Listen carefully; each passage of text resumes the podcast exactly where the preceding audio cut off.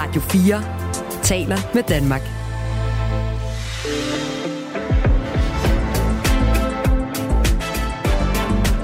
Velkommen til Mandat.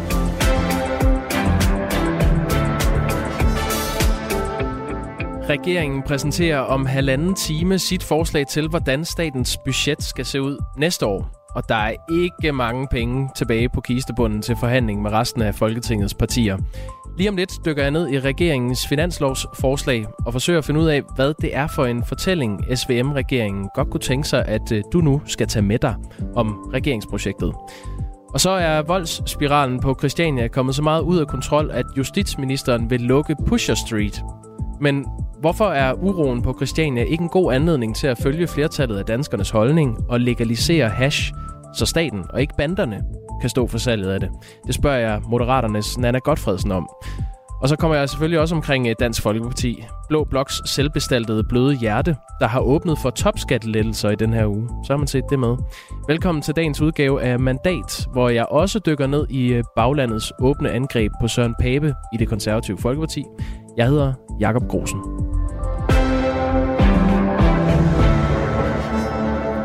Vi lægger ud med øh, den nye tryksag, der har fået titlen Fremtidssikring af Danmark. Det er i hvert fald ifølge TV2's oplysninger navnet på øh, det finanslovsforslag, som SVM-regeringen præsenterer kl. 12.30 i skikkelse af en repræsentant for hvert parti, finansminister Nikolaj Vammen, økonomiminister Jakob Ellemann Jensen og kulturminister Jakob Engel Schmidt. TV2 har læst hovedpunkterne i det her forslag, og ifølge mediet får resten af Folketingets partier ikke særlig meget at forhandle om. Regeringen afsætter en øh, sølle halv milliard årligt fra 2024 til 2027 til forhandling. Med mig i studiet har jeg mandats øh, politiske kommentator Benny Damsgaard, direktør for Connexus og tidligere kommunikationschef for det konservative Folkeparti. Det er godt at have dig med, Benny. Tak for det. Ved øh, de seneste otte finanslove har forhandlingsbeløbet været på mindst 1,2 milliarder kroner, hvis man ser bort fra i år, som var lidt særligt, hvor finansloven først kom øh, sent. Det er altså et langt højere beløb end beløbet for det kommende år til forhandling. Hva, hvad siger det dig? Jamen, der, der er to ting i det. For det første, så, så er det et udtryk for, at der stadigvæk er en inflationsudfordring herhjemme. Altså, man kan ikke åbne så meget for kasserne, som man umiddelbart skulle tro af hensyn til, til inflationen. Og så skal man også huske på, at de her 5 million, 500 millioner er jo et forhandlingsudspil, og et øh, finanslovsudspil er per definition et meget taktisk dokument, hvor der kan gives og tages, og det vil der blive rigtig meget undervejs. Så se på de 500 millioner som et, et udspil, ikke der, hvor vi lander. Der er jo mange danskere, der må sidde med det indtryk, at statskassen buner. Øh, vi har hørt fra finansminister Nikolaj Vamme i den her uge, at det økonomiske råderum igen skal opjusteres frem mod 2030. Det betyder så, at politikerne får endnu flere penge at gøre godt med. Ifølge TV2's oplysninger er der tale om en opjustering på 4 milliarder. Og det er jo efter, at råderummet i maj blev opjusteret med 16 milliarder til 64 milliarder kroner. Så, så der er jo mange milliarder i kassen. Øhm, set i det lys, hvilket signal sender regeringen så til oppositionen, når de kun giver 500 millioner til forhandling? Ja, man skal huske på, at det her råderum, øh, næsten sådan helt magiske råderum, som det tales om, det er jo penge, der kommer på sigt. Øh, det er jo ikke penge, som der ligger i kassen og kan bruges lige netop nu. Det er frem mod 2030, at der vil være stadig flere penge i, i, i kassen. Og, øh, og, øh, og derfor er det jo også for regeringens side sådan lidt en udfordring, at øh, man på den ene side kommunikerer, at det går virkelig godt, råderummet stiger, og, og samtidig med, så sidder man øh, og, og har sådan lidt øh, kolde afvaskninger og strambuks i den en nuværende finanslovsudspil, fordi der ikke er voldsomt mange penge at, at gøre godt med. Men altså, øh, det, det, det signal, der i hvert fald står tilbage, det er, jamen altså, der er stadigvæk inflation, men der er også noget at forhandle om mere end sidst. Og lad os nu se, hvor det, hvor det lander henne, og ikke mindst, hvilke signaler man fra regeringens side sender, når man skal til at forhandle 2030-planen. Det er det i hvert fald mange af partierne næsten går mere op i, end den her specifikke finanslov for 2024. Med i studiet har vi også Steffen Hjaltelin. Goddag. Goddag, goddag. Tidligere toprådgiver i Venstre gennem 15 år, fra 2004 til 19, blandt andet for uh, Anders Fogh Rasmussen. Hvad bider du særligt mærke i, når du kigger på det her finanslovsforslag? Jamen, jeg bider mærke i, at, øh, at, at regeringen er i gang med at ændre deres øh, samlede fortælling. Øh, og det har de jo startet på for, for nogle måneder siden. Øh, regeringen er jo bygget på, på en krisefortælling, noget som Mette Frederiksen virkelig godt har kunne lide og har ageret rigtig stærkt i. Men det var også det, der ligesom var begrundelsen for, at man skulle have en regering hen over midten. Der var økonomisk krise, og der var krise i Ukraine. Nu er det jo næsten sådan, at, at krisen i Ukraine er noget, som, som man begynder at, at det er forkert at sige, vende sig til omkring øh, om en krig, men, men dog er det, er det noget, som, øh, som man tager højde for i, i på forskellige måder. Øhm, den økonomiske krise har de øh, stort set fået øh, aflivet nu, øh, og, og man kan sige med det, der var et, øh, et øh, sommermøde her med regeringen for nogle få øh, uger siden, hvor de sagde, at det, der var den nye, øh, det nye vigtigste for dansk økonomi, det var at få arbejdskraft. Det var ikke så meget pengene, og, og statsministeren kom til at sige, at der var penge til det meste. Jeg synes, at det her finanslovsudspil viser, at der er penge til meget forskelligt, men øh, det behandler ikke ret meget øh, arbejdskraftudfordringen eller udfordringen. Så det, det er noget af det, de skal finde ud af at få, øh, at få handlet igennem. Ja, så synes jeg samtidig, når der er penge, og de er ude og fortælle om, at der er, mange, at der er flere penge, end der har været, at det er en sjovere finanslov, som Vammen siger, så er det en udfordring, der kun er 500 millioner kroner til de andre, selvom jeg er med på, hvad Benny siger, at det er et forhandlingsudspil, så er det en udfordring, og det viser, at øh, det er en regering, som ikke kun har magten, men også vil have æren. Det er velkendte temaer i form af øh, grøn omstilling, velfærd og sundhed, som er blandt hovedprioriteterne for regeringen i næste års finanslov. Øh, blandt andet vil regeringen afsætte en milliard kroner til det grønne område næste år. Herunder er der penge til grøn omstilling af det, man kalder tung vejtransport, mere vedvarende energi på land, og så en styrkelse af Klimarådet. Og frem mod 2030 ønsker regeringen så også at øh, putte 5 milliarder kroner ekstra årligt ind i sundhedsområdet, særligt kræftområdet og psykiatrien får flere penge. Og så har der jo været en masse, øh, som flere medier har omtalt som lunser her den seneste uge, hvor vi har fået nyheder om, at øh, der vil være et større kørselsfradrag på landet, der vil være billigere øh, færgebilletter, øh, der kommer den her ekstra milliard til de hårdt pressede kommuner og regioner, øh, flere diplomater i udenrigstjenesten. Det bliver kedelig radio, hvis jeg skal gennemgå det hele, men øh, det, der står tilbage, er, at der er mange, øh, øh, der er mange områder, der får flere penge. Benny Damsgaard, er du enig i, at regeringen er ved at ændre sin fortælling? Ja, øh, det er jeg, men, men øh, jeg synes også, det, det er et lidt uklart billede, der, der står tilbage, øh, fordi at der er masse små lunser i, i alle mulige øh, ender og kanter, men øh, vi sidder stadigvæk tilbage med det store spørgsmål om, hvorfor var det egentlig nødvendigt med den her regering, øh, da det kom det stykke. den fortælling fik vi, kan man sige, sidste år, øh, krisen nu er krisen så væk. Mm. Men, men hvad er det, der gør, at den her regering så er noget ekstraordinært? Fordi det, den har gjort i år, øh, det er i bund og grund det samme, som regeringer har gjort i mands mening stort set. Det er at dele en masse små lunter ud i perioden op til, hvor man præsenterer sit finanslov, og så have et finanslov med en eller anden form for forhandlingsreserve. En eller anden. Det er meget business as usual. Men den her regering skulle jo netop være alt andet end business as usual. Så det, det bliver interessant at se, i hvert fald i eftermiddag, om de har en eller anden form for lidt mere overgribende fortælling for, hvorfor at øh, at, at det her meget usædvanlige regeringsprojekt egentlig skulle være nødvendigt. Men det kan man godt tvivle på, at de kan komme til at gøre i finanslovsregi. Det er nok 2030-planen, vi skal holde, vi skal holde særligt øh, øje med i den sammenhæng. Hmm. Finanslov er i virkeligheden ganske få ledige milliarder. Statsbudgettet er på om, omkring 1,3 milliarder. Øh, undskyld, 1.300 milliarder, ikke 1,3, 1.300 milliarder. Og her er der, ja, vi kan bare se reserven, det er 500 millioner ud af det at spille om. Det er næsten ingenting.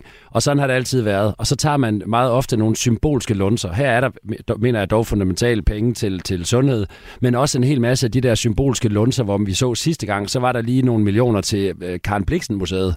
Og det er jo relativt detaljeorienteret, kan man sige, øh, i, en, i en finanslov, men det kendetegner finansloven. Så dels så tager man noget, der er godt at sige for de forskellige resortministerier, og så tager man noget, som kan vaccinere øh, regeringens forskellige partier mod angreb. Når vi ser de ting, øh, de der kommer til landdistrikterne, for eksempel fra Venstre, så er det jo øh, noget, de kan bruge direkte til at vaccinere sig mod øh, Danmarksdemokraterne.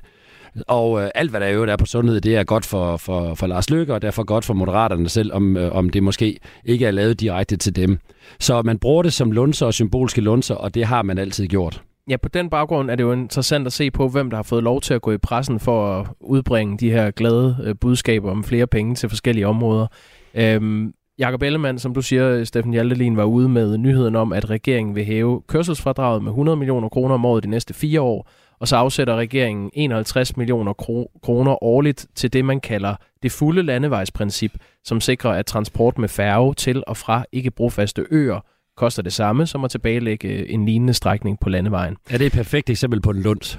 Ja, jeg, jeg vil godt tage en anden lunds, og det gør jeg kun, fordi jeg synes, den er lidt sjov. Det var Lars Lykke. Han fik lov til at være afsender på nyheden om, at regeringen vil afsætte 500 millioner kroner årligt til at sikre basale færdigheder i dansk matematik hos de 10% fagligt svageste elever. Det er lidt sjovt, hvis man regner det ud, fordi 500 millioner kroner bliver først øh, sat til rådighed for 2028. Det er langt ude i fremtiden. Det er ikke i den her valgperiode. Måske ikke engang i næste. Men så vil man så på finansloven for næste år give 35 millioner til de 10 procent svageste folkeskoleelever. Der er cirka 682.000 elever i den danske grundskole, og nu skal I lige hænge på. Det vil sige 10 procent af dem, det udgør så af 68.000 elever. Det er 68.000 elever, der er de 10 procent svageste. De får så med de her 35 millioner cirka 500 kroner hver næste år. Men det er, det, undskyld, det er nøjagtigt det, man skal holde øje med. Og når, og når lytterne sidder og følger med i finansloven, så er det min erfaring, at jo langsommere de siger tallene, jo mere skal man være påpasselig. Hvis man, hvis man siger 35 millioner kroner, så er det fordi, de godt ved, at det er ganske lidt, og det skal lyde noget mere. Okay, og det er meget godt at gå efter. Øh, regeringen får kritik i dagens udgave af Jyllandsposten. Øhm, det handler om øh, retten til, øh, til seniorpension. Øh, nu skal jeg lige se, om jeg kan finde det her. Øhm, det er et lækket udspil fra Finansloven, som Jyllandsposten har kigget på. I dag er reglerne sådan, at man har ret til seniorpension, hvis man er nedslidt, øh, og man højst kan arbejde 15 timer. Så skulle det egentlig hæves til 18 timer, så folk, der kan arbejde 16, 17 eller 18 timer om ugen, også kan komme på seniorpension. Det vil sige, at der var flere, der kunne få seniorpension. Det var en aftale, regeringen øh, lavede, da Socialdemokratiet sad alene i regeringen, blandt andet med Dansk Folkeparti, SF og Enhedslisten. Og det var øh, DF, der dengang krævede, at øh, det her arbejdsevnekrav blev hævet fra 15 til 18 timer, så flere nedslidte kunne komme på, øh, på seniorpension. Den bliver ikke til noget alligevel. Det, det fremgår af det her finanslovsforslag. Og det er Morten Messersmith ud at kalde en skandale, at, øh, at, at regeringen nu annullerer det, der er blevet aftalt. Enhedslisten er også rasende over det.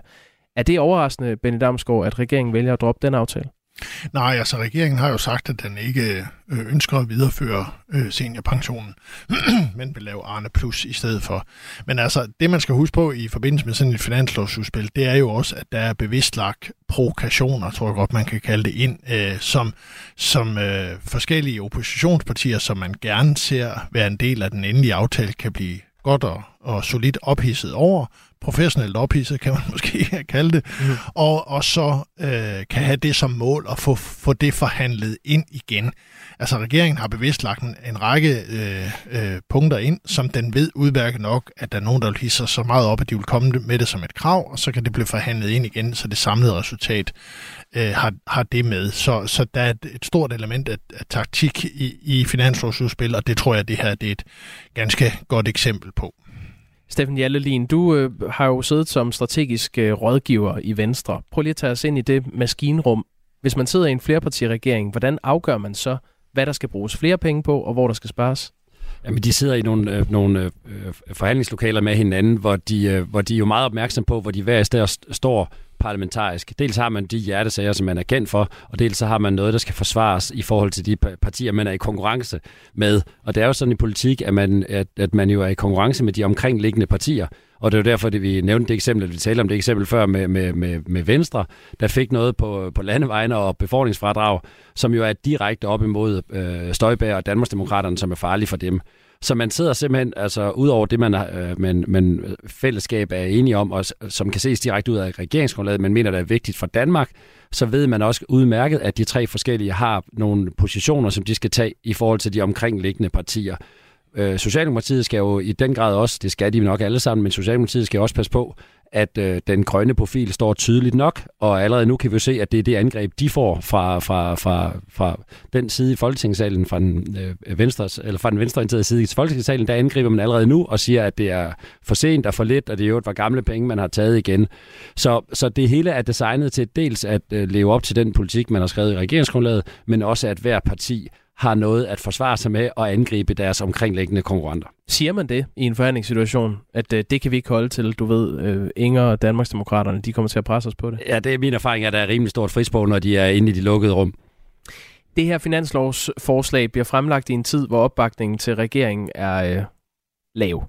Meningsmålinger for både Voxmeter og Megafon viser, at regeringen vil være langt fra at genvinde sit flertal, hvis der var valg nu. Og det er jo særligt Venstre, der ser ud til at være sløjt kørende hvor øh, Ellemands comeback ikke ser ud til at have haft en stor effekt. Øh, partiet ligger på mellem 9,5 og 11 procent, alt efter hvilken øh, måling man, øh, man kigger på. Benny Damsgaard, øh, der er jo øh, tre regeringspartier, der har skulle blive enige om det her finanslovsudspil, som vi bliver øh, væsentligt klogere på om en time og 10 minutter. Men hvilket parti har mest at vinde og tabe lige nu i regeringen? Altså de to partier, som er, kan man sige, som er under mest pres i den her sammenhæng, det er, det er Venstre og Socialdemokratiet. Venstre øh, arbejder jo stadigvæk med at forsøge at, at retfærdiggøre, at de hele taget er gået ind i den her regering. Og de skal hele tiden lede efter de der små sejre, som de kan fortælle til deres bagland, om at nu har de opnået det og det og det, og det ville de ikke have opnået, hvis ikke de var gået ind i den her regering. Så, så, øh, så de, øh, de venstreaftryk, der vil, der vil være i det her finanslovsudspil i dag, det vil man fra venstre side gøre et meget, meget, meget stort, stor indsats for at kommunikere ud, øh, især til, til, til bagland og, og potentielle vælgere. Og fra Socialdemokratiets side, så er det langt hen vejen lidt den samme udfordring, man står overfor. Altså man skal også retfærdiggøre, hvorfor man i det hele taget har åbnet op for det her. Hvorfor, hvorfor var det nødvendigt at gå over midten, i stedet for at blive øh, i, rød, i rød blok, som man har været de sidste øh, fire år. Så det er de to, der, der sidder med de største udfordringer for moderaterne. Så alene det, at regeringen eksisterer, er jo næsten en bekræftelse af, at, at, at de havde ret, da de sagde, øh, at der var tid til en regering over midten. Så, så de er knap så meget under pres, i hvert fald hvad det her angår.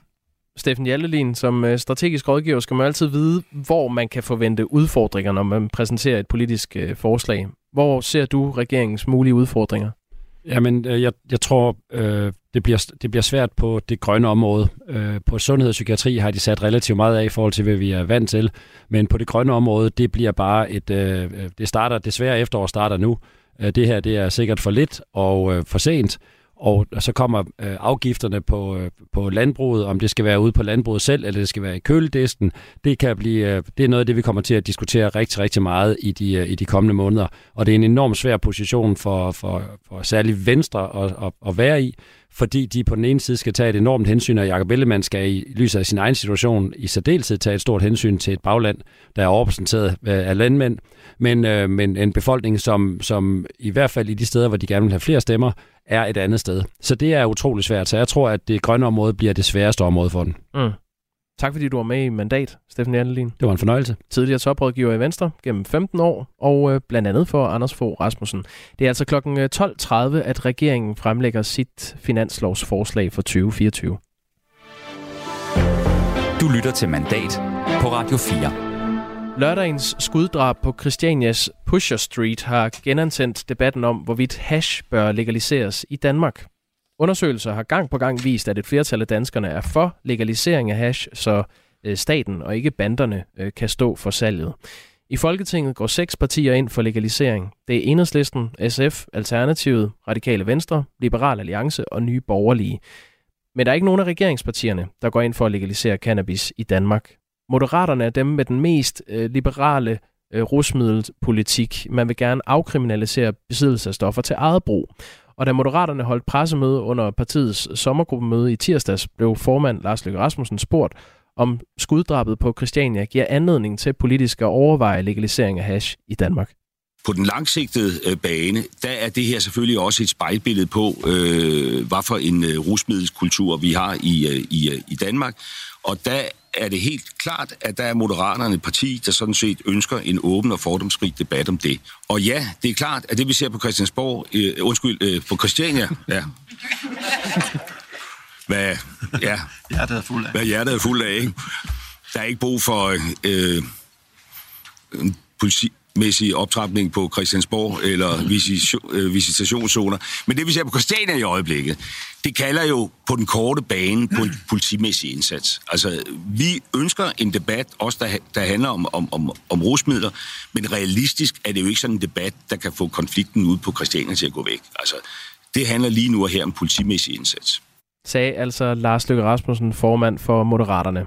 Nana Godfredsen er partiets socialordfører, og med mig nu. Velkommen i mandat. Tak. I går ind for at afkriminalisere, at folk ryger hash, men ikke for at legalisere øh, salget, som banderne sidder tungt på. Hvorfor går I ikke ind for at, at sabotere den forretningsmodel ved at legalisere cannabis, så det bliver staten og ikke banderne, der sælger det? Altså, det er et fint spørgsmål, men øh, der er så meget forvirring, og vi har så meget brug for, at pressen, den offentlige debat, har styr på begreberne. Og nu siger du, at vi går ind for i Moderaterne at afkriminalisere at ryge has. Brug af stoffer har aldrig været kriminaliseret i Danmark. Det, der skal afkriminaliseres, det er besiddelse af mindre mængder stof til eget brug. Det er der rigtig mange øh, gode grunde til. En af dem er, at når politiet konfiskerer brugerdoser, så gør det ikke det, vi siger, eller man siger ovenfra, at man vil, nemlig udrydde stofferne. Øh, det gør tværtimod det, at den illegale handel bliver stimuleret.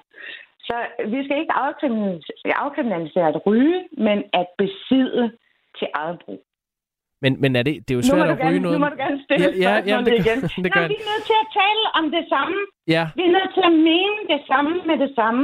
Men er, og vi er nødt men, til at have fornøden Godfredsen, viden. Er det, ikke, er, er, er det ikke en præmis, at man er i besiddelse af noget, hvis man ryger det? Øh, jo, altså ved du hvad, jeg kan faktisk give dig et eksempel på, hvor man ikke er i besiddelse. Skal jeg gøre det? Ja, tak. Det er en øh, enestående, fantastisk øh, socialarbejder, jeg har hørt et oplæg fra for mange år siden, som i forhold til en, hun besøgte som bostøtte, øh, som var, øh, blev, efter et trafikuheld blev lammet fra brystet ned, der var han ikke i stand til at smertelindre sig selv med den illegale cannabis, han godt kunne få andre til at levere til ham. Så hun sugede det ind i munden og pustede det ind i hans mund. Mm. Okay. Så det faktisk godt foregå. Men, men som jeg kender det, øh, eller hører det, eller har set det, så er det oftest nogen, der selv holder det, når de ryger det. Men det, det er godt, at vi lige får begrebsafklaret, at... at ja, det, det, det, fordi vi, vi kan jo ikke have den samtale, min chef, Lars, efterlyste. Ja. Det der med at have en åben og fordomsfri debat, det han øh, også plejer at sige, det er, at den skal foregå på et oplyst og savligt grundlag. Mm. Det har den jo aldrig gjort. Der er vi jo slet ikke nået til nu, fordi vi har ikke engang et fælles sprog. I en hver pressedækning, der har været af det her, har der været vildt forvirring hos både dig og dine kolleger mm. øh, i forhold til, hvad I egentlig mener.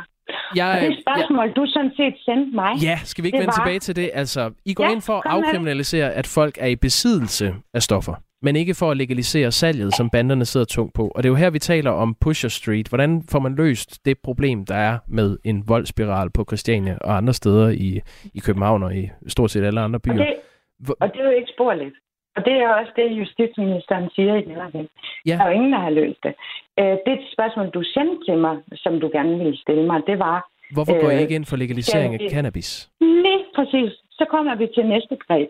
Hvad mener du, når du siger legalisering? At det øh, bliver jeg staten, der jeg ved, hvad du mener.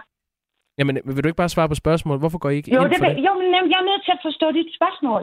Spørg du mig, om jeg synes, som gadejurist og øh, øh, gammel narkotika-politisk aktivist, om cannabis skal ligge ved siden af vingummibamser i 7-Eleven i børnehøjde. Nej. Det er jo legalisering. Jamen, ej, det, det har jeg ikke spurgt om. Altså, skal, skal staten stå for salget af cannabis i Danmark? Og hvis ikke, hvorfor ikke? Spørgsmålet er, om staten skal overtage reguleringen af cannabismarkedet fra en skrupelløs, vildskydende underverden. Ja.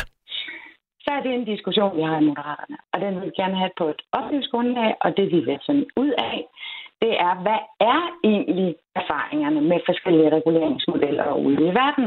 De er jo vidt forskellige. Altså, Men vi har jo i, i, i Tyskland... Undskyld, ja, jeg lad mig lige tale ud. Ja, nej, nej, ja, lad mig lige tale ud. I Colorado nej, har man det, det er lige mig, der bestemmer det, Anna Godfredsen. Jeg kommer med et eksempel her. I Tyskland godkendte regeringen tidligere på måneden et lovforslag om at legalisere hash. Det ventes at blive vedtaget senere i år. Det vil gøre det muligt for personer over 18 år at være i besiddelse af 25 gram hash, og man kan dyrke tre hamplanter, så længe det til eget brug og så kan man købe det gennem særlige sammenslutninger eller hashklubber. Og formålet med den lov er blandt andet at komme det her illegale marked til livs. Det skrev den tyske sundhedsminister Karl Lauterbach ved den lejlighed. Øh, hvorfor skal Danmark ikke gøre som Tyskland? Øh, tysk, den tyske model, nu har de lige altså, lagt ud med, at øh, de tager nogle af de skridt, de gerne vil tage oprindeligt. Øh, der er opstået nogle øh, øh, EU-retlige og øh, muligvis flere juridiske forhindringer, så de ikke kan umiddelbart gå hele vejen. Øh, det tyskerne vil, det var at fjerne den fuldstændig frie cannabis fra børn og unge. Vi har en situation i dag med et fuldstændig frit cannabismarked, hvor børn og unge kan skaffe, selv børn og unge kan skaffe sig cannabis på mm. ingen tid, hvor som helst, i en stærkere form end nogensinde, og til en billigere penge end nogensinde. Cirka hver tredje unge under 25 har prøvet at ryge Præcis. hash, ifølge Præcis. Sundhedsstyrelsen. Og det var det, tyskerne lagde fra kaj med. Det var derfor, det var en erkendelse af, at det der med repressiv øh, politikontrol mod et cannabismarked, det får vi ikke noget ud af. Det spreder sig, det gør skyderierne også, det blomstrer op igen og igen. Og børn og unge, selv børn og unge, kan skaffe sig det hvor som helst. Det fuldstændig uregulerede, vanvittige frie marked øh, med adgang for børn og unge. Ingen alderskrav, ingen kvalitetskrav, ingen Nej. information. Vil det så ikke være bedre, at staten vil, overtog det, man, det og, og ligesom det vil, havde kontrol med, præcis. hvem er det, der kan købe det? Det vil man nemlig tage væk fra underverdenen, og det gør man i en erkendelse af, at man ikke kan vinde krigen mod cannabis. Mm. Den er tabt for længst. Cannabisen har vundet. Øh, så må vi gøre noget, der i det mindste er bedre, så vi beskytter børn og unge. Og det synes jeg er en meget, meget spændende diskussion. Jeg arbejder faktisk på at prøve at få den tyske sundhedsminister til Danmark og fortælle om det. Ja. Øh, hvad er det for en overvejelse? Altså, hvad er det for nogle overvejelser, der ligger bag? Mm. Og det er det, det handler om. Når I i pressen har hjulpet os med at få et fælles sprog, så vi forstår det samme med det samme, så, må vi, øh, så kan vi for alvor komme videre med det der med at sikre, at vi har en oplyst og saglig debat. Og, og så skal jeg lige forstå har, det. Øh, når vi har den viden, ja, i forhold til moderaterne, mm. når vi har den viden, der er nødvendig at have, før man kan tage stilling på et oplyst grundlag, så kommer moderaterne til at tage stilling. Det er sådan, det er. Nå, Øv, fordi det er jo det, vi har dig til i virkeligheden at tage stilling til. Jeg synes faktisk alt, hvad du har sagt her, peger i retning af, at moderaterne godt kunne være åbne for, at staten overtager salget og legaliserer at kunne sælge cannabis. Jeg tror da sådan set, at øh, hvis du tænker, at, øh, øh, at øh, lige præcis jeg øh, kunne være forholdsvis klar, men det er også fordi, jeg, jeg ved mere end de fleste om øh, de forskellige reguleringsmodeller, og hvad der skal til, og hvad der sker, og at himlen ikke falder ned, og sådan noget. Ikke? Men det er jo ikke det samme som, at alle i Folketinget gør det øh, endnu.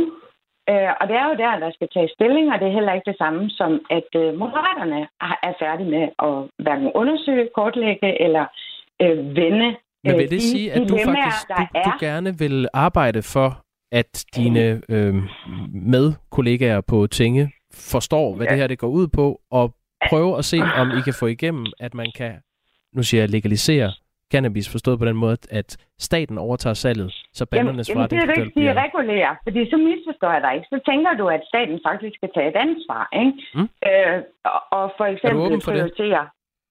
Om, altså, jeg er jo ikke forandret overnight, fordi øh, at, øh, at jeg har øh, er blevet givet en plads af vælgerne. Men er det moderaternes politik? Ja, det har du fået svar på. Hvad, den, hvad er, svaret? er under, den er under kortlægning, diskussion og afklaring, og beslutningen om, hvordan det her skal gøres, bliver truffet på et savligt og oplyst grundlag. Det har sådan set været øh, vores afsæt helt fra start, at dansk politik er på speed, og øh, beslutninger skal træffes på oplyst grundlag efter savlige øh, samtaler på tværs af alle Alright. politiske farver, øh, og det gælder selvfølgelig også det her område.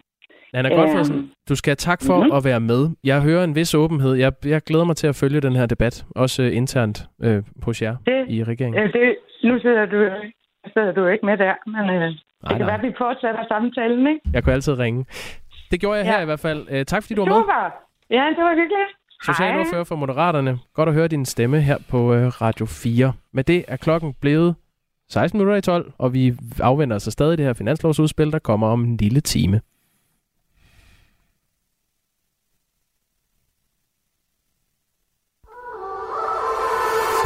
På Radio 4 får du hver dag nyt fra dansk politik. Der er altså ikke ret mange mennesker, for hvem selve store bededag hmm. betyder noget. Vi nuancerer det politiske landskab. Man kører fuldstændig hen over den danske model. Og giver fløjene en plads i debatten. Du vil gerne have, at vi ikke skal tage ansvaret for noget, fordi vi skal sende det til folkeafstemning. Nej, jeg synes faktisk ikke, det er ikke at tage ansvar og sende ting til folkeafstemning, Jens. Overhovedet. Lyt med alle hverdage kl. 11.05.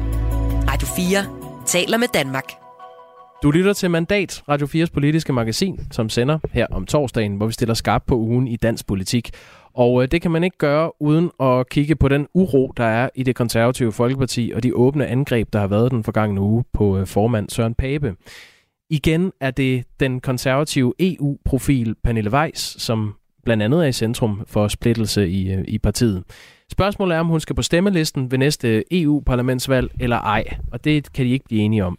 Stik imod Papes anbefalinger valgte 22 medlemmer af partiet i mandags at indstille Pernille Weiss som øh, spidskandidat til næste EU-parlamentsvalg. Og hvis hun ikke bliver spidskandidat, så skal hun alligevel på listen, så man kan stemme på hende, skrev de 22 medlemmer i det her brev til Søren Pape. De 22 medlemmer tæller øh, blandt andre fem byrådsmedlemmer og et enkelt regionsrådsmedlem. Og det er altså, selvom Søren Pape udtrykkeligt har sagt, at han ikke vil have Pernille Weiss på listen over konservative kandidater til EU-parlamentet, efter at øh, syv af hendes tidligere medarbejdere i en intern rapport har fortalt om et psykisk kort arbejdsmiljø præget af mobning under Pernille Weiss ledelse. Benny Damsgaard, øh, som forher, forhenværende kommunikationschef i det konservative Folkeparti, kender du partiet øh, rigtig godt. Hvad er det, der foregår? Mm, ja, det er jo det, man kalder et rigtig godt spørgsmål. Altså, hvis man tager Pernille Weiss-sagen, så er det det, man kan kalde en, sådan en meget usædvanlig sag, øh, fordi at øh, det er ikke første gang, at der har været medarbejderproblemer øh, øh, i Europaparlamentet, hos Europaparlaments medlemmer eller i, i Folketinget for den sags skyld. Det sker sådan med jævne mellemrum i større eller mindre grad. Det, der er usædvanligt her, det er, at man fra det konservative folkepartis side, fra ledelsens side, valgte at gå meget håndfast til værks dengang sagen kom op tilbage i, i pinsen, og dels melde meget markant ud, at øh, Pernille Weiss, som ellers på det tidspunkt var indstillet til at være spidskandidat, ikke skulle være det længere, og så toppede man med at opfordre hende til i det hele taget at trække sig, trække sig fra sit mandat i Europaparlamentet. Ja, lad os lige, øh, undskyld, jeg afbryder, ja, Benjamin, lad os lige høre, hvad Søren Pape sagde der i foråret. Jeg har opfordret Pernille til at trække sig øh, fra Europaparlamentet. Jeg synes, det vil være det rigtige i den situation. Jeg synes, det er voldsomme. Det er samstemmende beretninger, vi har fået fra tidligere medarbejdere, som vi ikke har grund til at tro ikke er, er rigtige. Og det har man så bare ikke respekteret i alle dele af partiet. Nu, nu er der så de her 22 øh, medlemmer, der har skrevet brev om, at øh, de vil indstille Pernille Weiss som spidskandidat alligevel. En af dem hedder Vibeke Gamst, og hun er anden viceborgmester i Aalborg Kommune og gruppeformand for partiet i Aalborg. Og hun var med i Radio 4 morgen i tirsdags, og hvor hun blev spurgt, hvorfor hun går imod ledelsen. Lad os lige prøve at høre, hvad hun sagde der. Jamen, det er jo en meget ejendommelig sag, må man sige. Meget, meget ejendommelig. Øh, normalt vil det jo være sådan, at hvis en parlamentariker gør det godt i parlamentet, og Pernille Weiss har gjort det særdeles godt, må vi sige, så vil det være helt oplagt, at den pågældende bliver indstillet til, til genvalg, når vi nu har, har landsråd om kort tid her i september. Så der skal virkelig meget til, for at man vælger fra, synes vi. Og så synes vi, at det er underligt, at man går, går så hårdt til værks på en sag, som efter vores mening er grebet så mærkværdigt an, og som er så uoplyst over for, for alle dem, der nu skal til landsråd og, og stemme om, om spidskandidaten. Benny Damsgaard, hvor, hvorfor er det, den her sag udvikler sig til sådan en åben krig i pressen for partiet, i stedet for noget, de får styr på internt? Ja, men øh, Vibeke Gamst siger det jo i og for sig i sidste del af sit svar, at den her undersøgelse, som, som er så er dokumentationen for, at øh, ledelsens, partiledelsens dokumentation for, at der skulle være et problem, den er ikke øh, blevet fremlagt. Øh, man har fået nogle overskrifter fra den, men, men man føler for store dele af baglandet, at at man ikke kan få det fulde og hele billede af, øh, hvad der er sket i den her sag. Og Pernille Weiss har været meget øh, vel anset og, øh, og skattet medlem af Europaparlamentet i den periode, hun har siddet indtil nu. Hun har været meget aktiv øh, dernede og også været meget aktiv herhjemme. Derfor man, var man fra baglandets side meget overrasket over, at, at den her sag øh, så hurtigt skulle udvikle sig så dramatisk, og man har så efterfølgende syntes, at man ikke har kunne få svar på sine spørgsmål, og også at man fra, fra ledelsens side, altså fra partiformanden og partisekretæren i særdeleshed har lagt meget voldsomt pres på, øh, på de dele af partiet, som, som har øh, haft en, en anden opfattelse af, hvad der skulle være den rigtige konklusion i den her sag. Så det har været sådan en, en kombination af manglende information og, og også et, et ganske markant pres, som, som man nu i hvert fald for, for dele af partiet er blevet træt af. Det er øh, fire sygemeldinger, der har ført til blandt hendes medarbejdere, at de har oplevet det her, de beskriver som et stærkt belastet psykisk arbejdsmiljø, og de har brugt ord som mobning, ydmygelser og at føle sig truet. Og to af de her fire sygemeldinger øh, var langtidssygemeldinger. Pernille Weiss øh, vil dog ikke forlade sin post, og hun har benægtet alle anklager. Hun er meget glad for den opbakning fra de her medlemmer, der nu har indstillet hende som øh, spidskandidat øh, Øh, selvom ledelsen ikke vil have hende. Det sagde hun i Radio 4 morgen, da hun forklarede, hvorfor hun stiller op på trods. Der er mennesker, medlemmer i det konservative folkeparti, som synes, at det arbejde, jeg har gjort hidtil, peger i den rigtige retning, og det er noget, der skal have lov til at, øh, at fortsætte. Og så er jeg jo ikke enig i, øh, i Sørens konklusion, øh, der ført frem til at fyre mig som, øh, som kandidat. Øh, den såkaldte undersøgelse og måden, den er foregået på, øh, øh, og de data, man har øh, tilladt at lægge til grund, er jeg simpelthen ikke enig i, er gjort på en anstændig og en ordentlig øh, måde. Og i og med, at jeg gerne vil stå på mål for mine politiske resultater og på det politiske håndværk, som, øh, som jeg har øh, efterhånden fået ret godt fod på sammen med mit team nede i Europaparlamentet, øh, så siger jeg ja til de mennesker, som tør med navns nævnelse og sige, vi synes sådan set, Pernille hun skal fortsætte. Det lader lidt til, at, at Søren Pape på den måde er i en møg-situation, uanset hvad, fordi hvis han havde trukket sin støtte til Pernille Weiss, så havde det vel også været en historie, at han så igennem fingre med grænseoverskridende opførsel ned i Europaparlamentet. Ja, altså normalt har man klaret sådan øh, de her medarbejdersager, som, som jeg nævnte indledningsvis, så har der været en del af dem igennem tiden hos en lang række forskellige partier i flere forskellige afskygninger.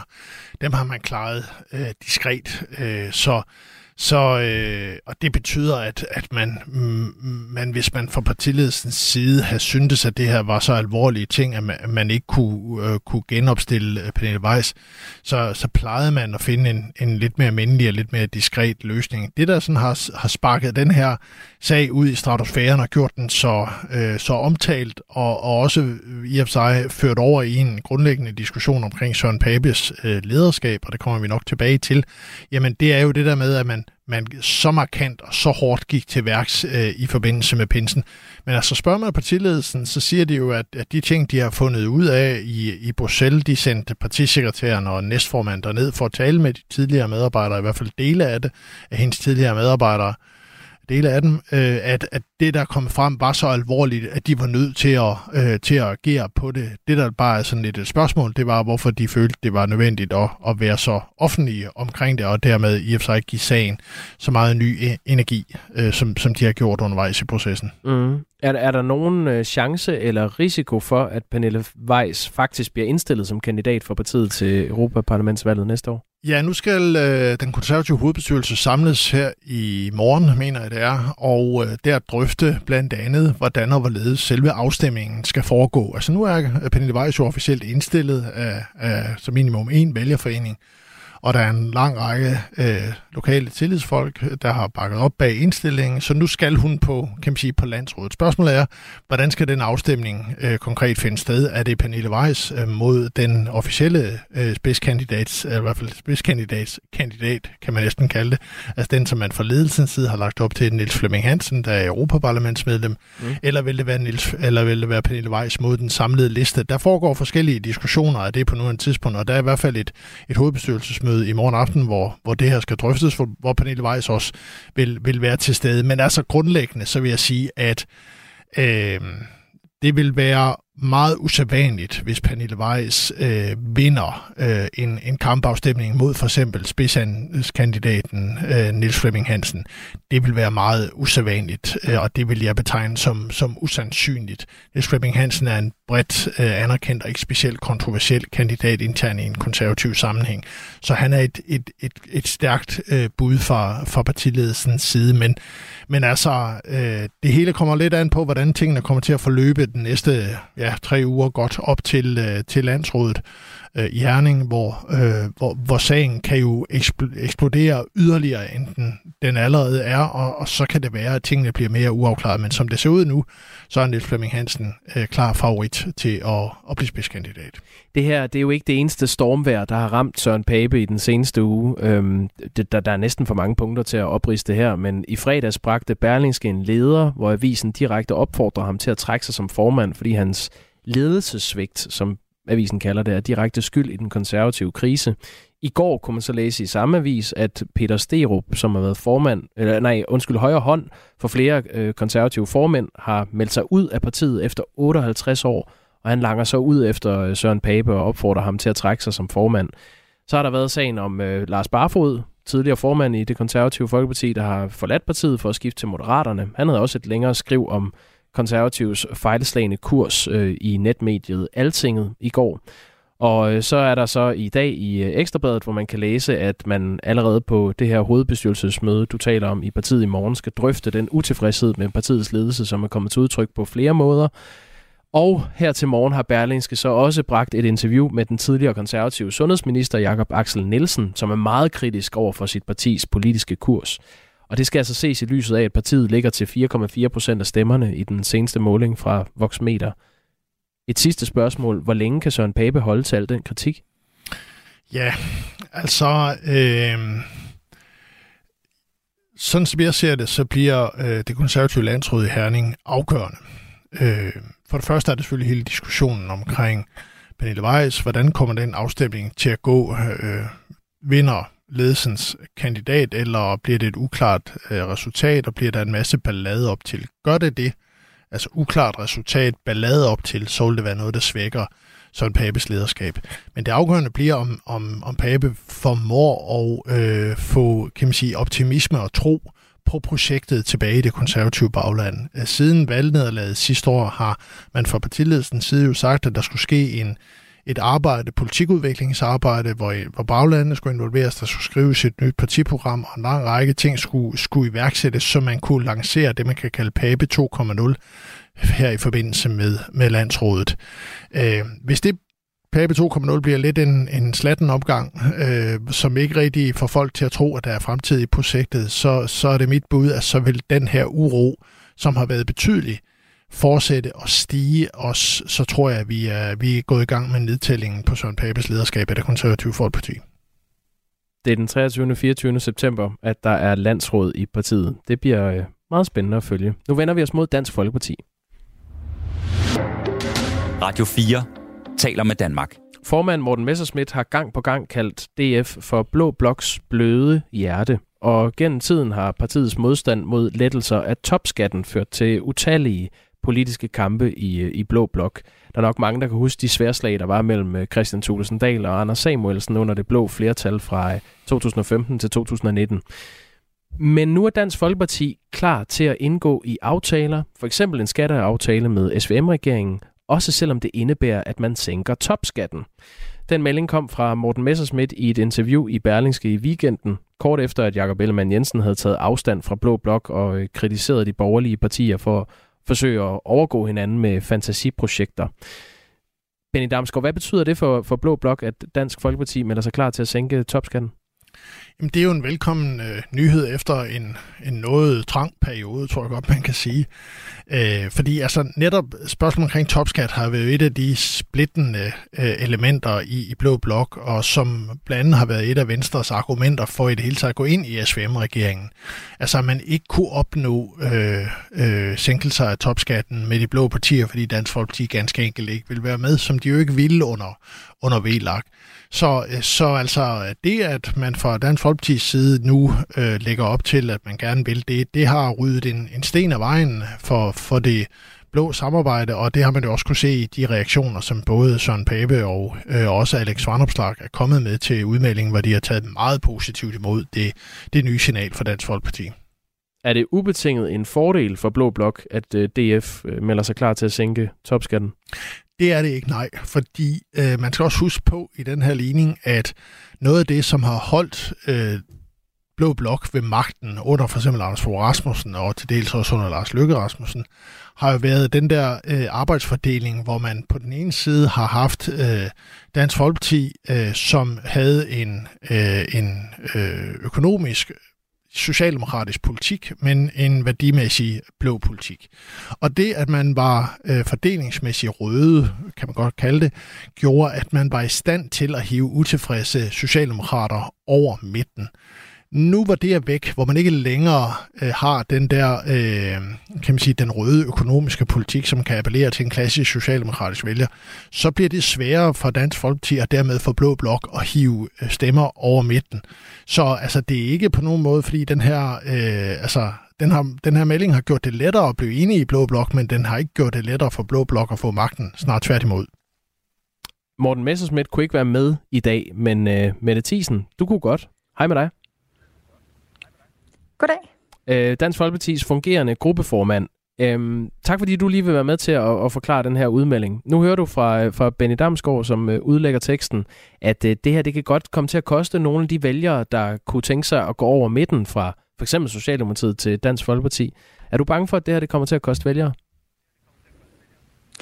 Nej, det er sådan set ikke. Øh, hvad skal man sige? Øh, det man skal huske på, det er, at, øh, at nu ligger Dansk Folkeparti jo der, hvor som man gjorde øh, egentlig i starten, altså da Pia Kærsgaard startede partiet, og, og, øh, og den, hvad skal man sige, den linje, man også havde op gennem nullerne, med en, en, en, en selvfølgelig en borgerlig økonomisk politik, øh, sund fornuft, øh, men sådan set også den her, øh, det her bløde hjerte, som der også er blevet nævnt øh, tidligere. Øh, det man så under Christian Tulsendal, det var jo, at man øh, de facto nærmest øh, havde en socialdemokratisk øh, økonomisk politik, som Ben Damsgaard også henviser til.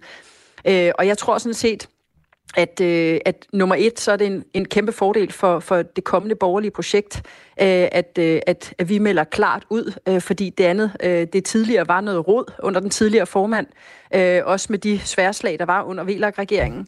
Men det handler jo grundlæggende set også om, at ganske almindelige danskere skal lov at beholde flere af deres egen penge selv, og det øh, er noget, vi står for i Dansk Folkeparti, og vi er Blå Bloks øh, bløde hjerte.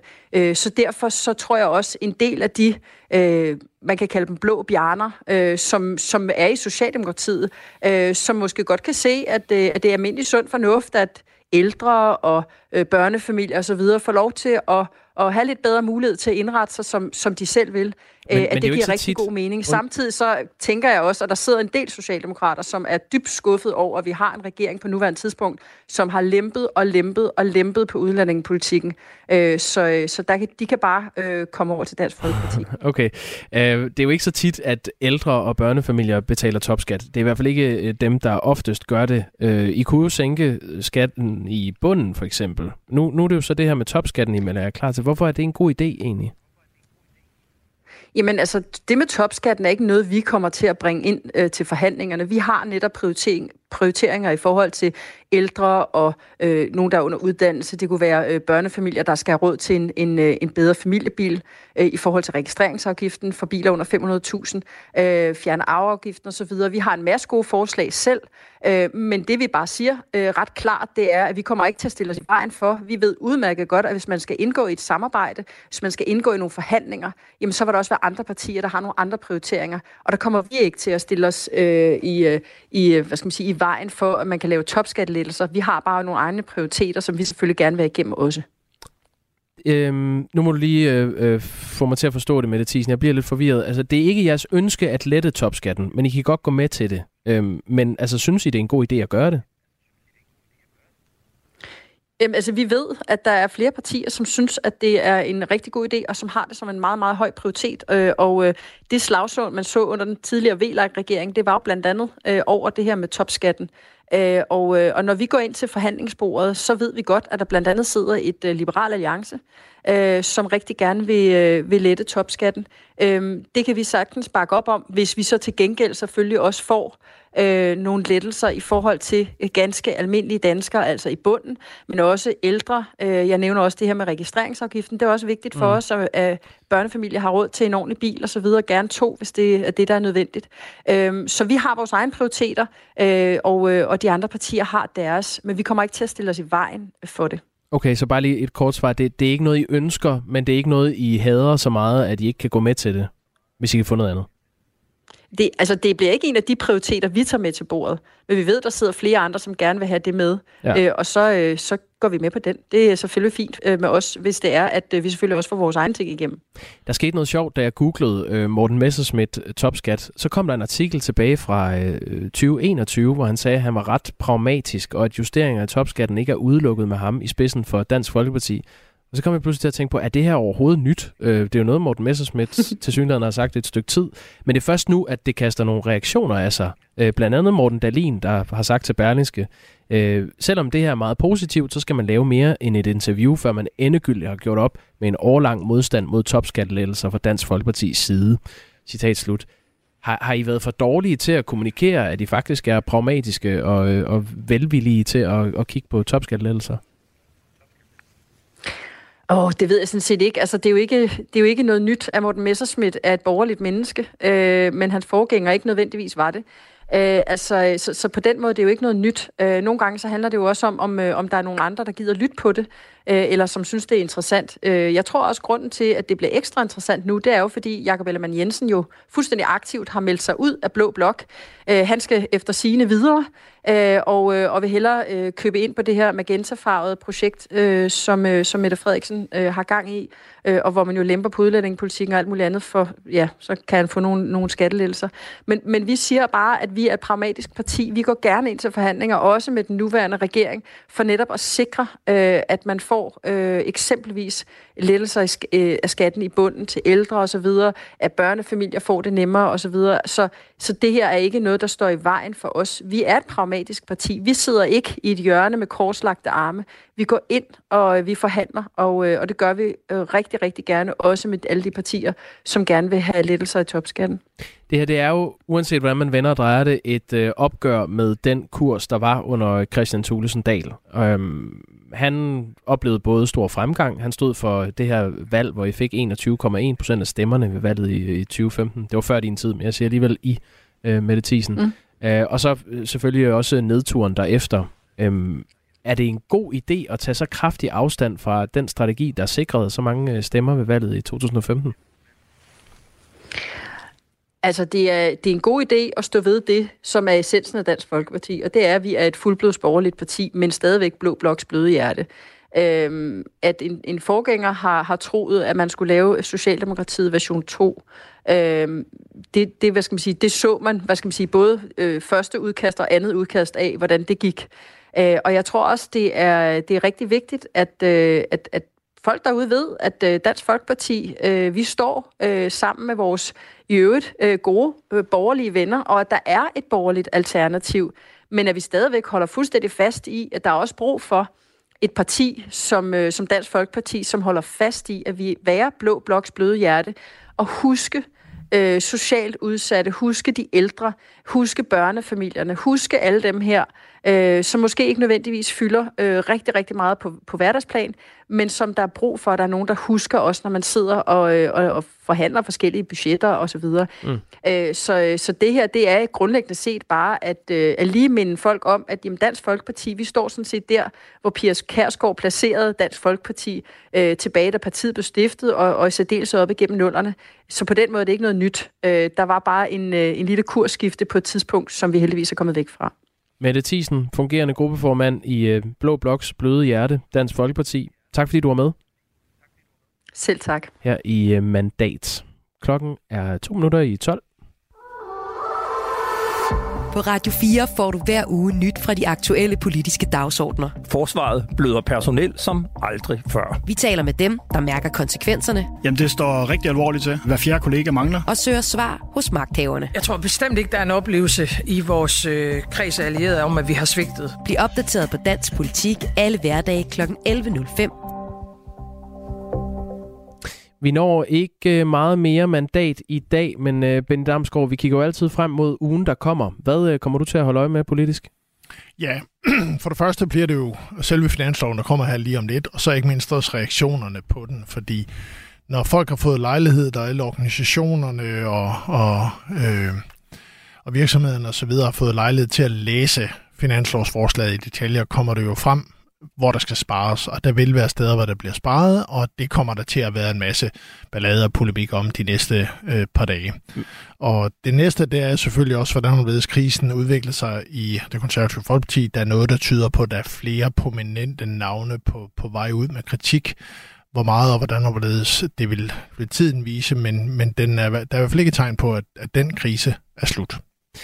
Det øh, bliver spændende at følge. Det er altså her kl. 12.30, øh, at øh, regeringen fremlægger sit øh, finanslovsforslag for øh, næste år. Du skal tak for, at du var med, Benny Damsgaard. Velbekomme. Politisk kommentator her på Mandat. Jeg vil også sige tak til dagens gode gæster, Steffen Hjaltelin, Nana Godfredsen fra Moderaterne og Mette Thiesen sidst fra Dansk Folkeparti. Du kan som altid finde dagens og tidligere mandatprogrammer i øh, Radio 4's app. Jeg hedder Jakob Grosen. Tak fordi du har lyttet med. Du har lyttet til en podcast fra Radio 4. Find flere episoder i vores app, eller der, hvor du lytter til podcast.